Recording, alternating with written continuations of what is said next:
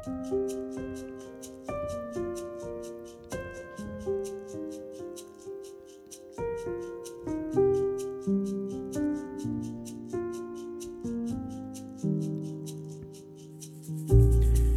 lytter.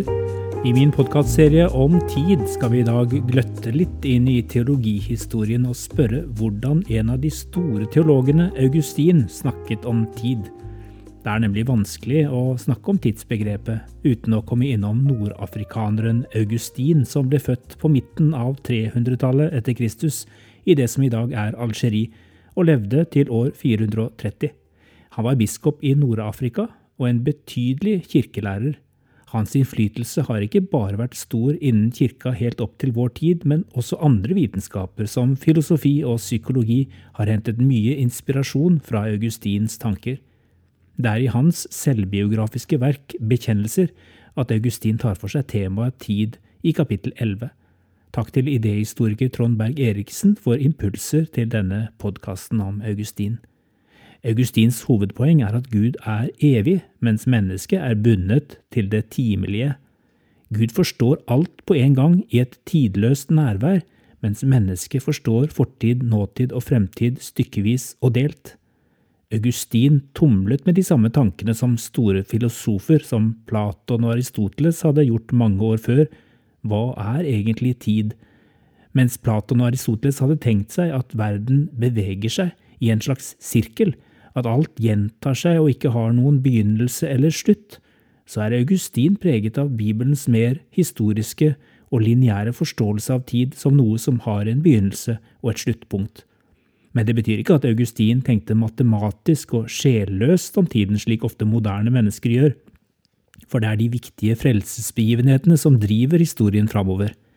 Ifølge Augustin har Gud skapt tiden. Gud skapte tiden da han skapte verden. Derfor er ikke Gud verken i tiden eller avhengig av tid og rom. Før skapelsen fantes ikke verden, og derfor fantes heller ikke tiden.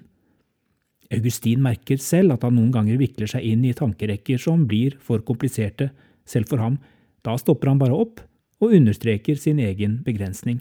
Alt må ikke gå opp i en formel og være fullt ut forståelig, men noe gir den kristne grunnfortellingen svar på, mener han, og nøkkelen for Augustin ligger i forholdet mellom tiden og evigheten. Gud som skapte himmel og jord, vil en gang trekke skapelsen tilbake ved å avslutte tiden og oppløse det timelige i det evige. Guds skaperord, Kristus, som eksisterte før skapelsen, kom inn i tiden på et gitt historisk sted for å redde menneskene ut av tidens begrensninger som følge av syndefallet. Etter Kristus lever menneskene i en tid hvor veien tilbake til uskyld og evighet i prinsippet er åpen for alle. Det som særpreger Augustins forståelse av fortid, nåtid og fremtid, er at Gud finnes utenfor alt dette. Evigheten finnes før tidens begynnelse, før skapelsen, og evigheten finnes bak tidens slutt, i dommen, men evigheten finnes også som en dimensjon i øyeblikket her og nå, slike hellige øyeblikk når sjelen oppdager Guds nærvær som svaret på sine livsspørsmål. Dette er kanskje litt høytflyvende, og hva hjelper Augustin meg med i min jakt på å forstå det jeg kaller kairos, Guds hellige øyeblikk i tiden, til forskjell fra klokketid som bare går og går, tilsynelatende uten mål og mening? Jo, selv om ikke Augustin snakker så mye om skillet mellom klokketid og det Bibelen kaller kairostid, så snakker han mye om forskjellen mellom tid og evighet og der både Augustin og de bibelske forfatterne snakker om evigheten, overlapper det ofte med såkalt kairostid, denne dyrebare nådetiden. Særlig fra den tid Jesus ble født, skjedde det noe med den tiden som er skapt og begrenset.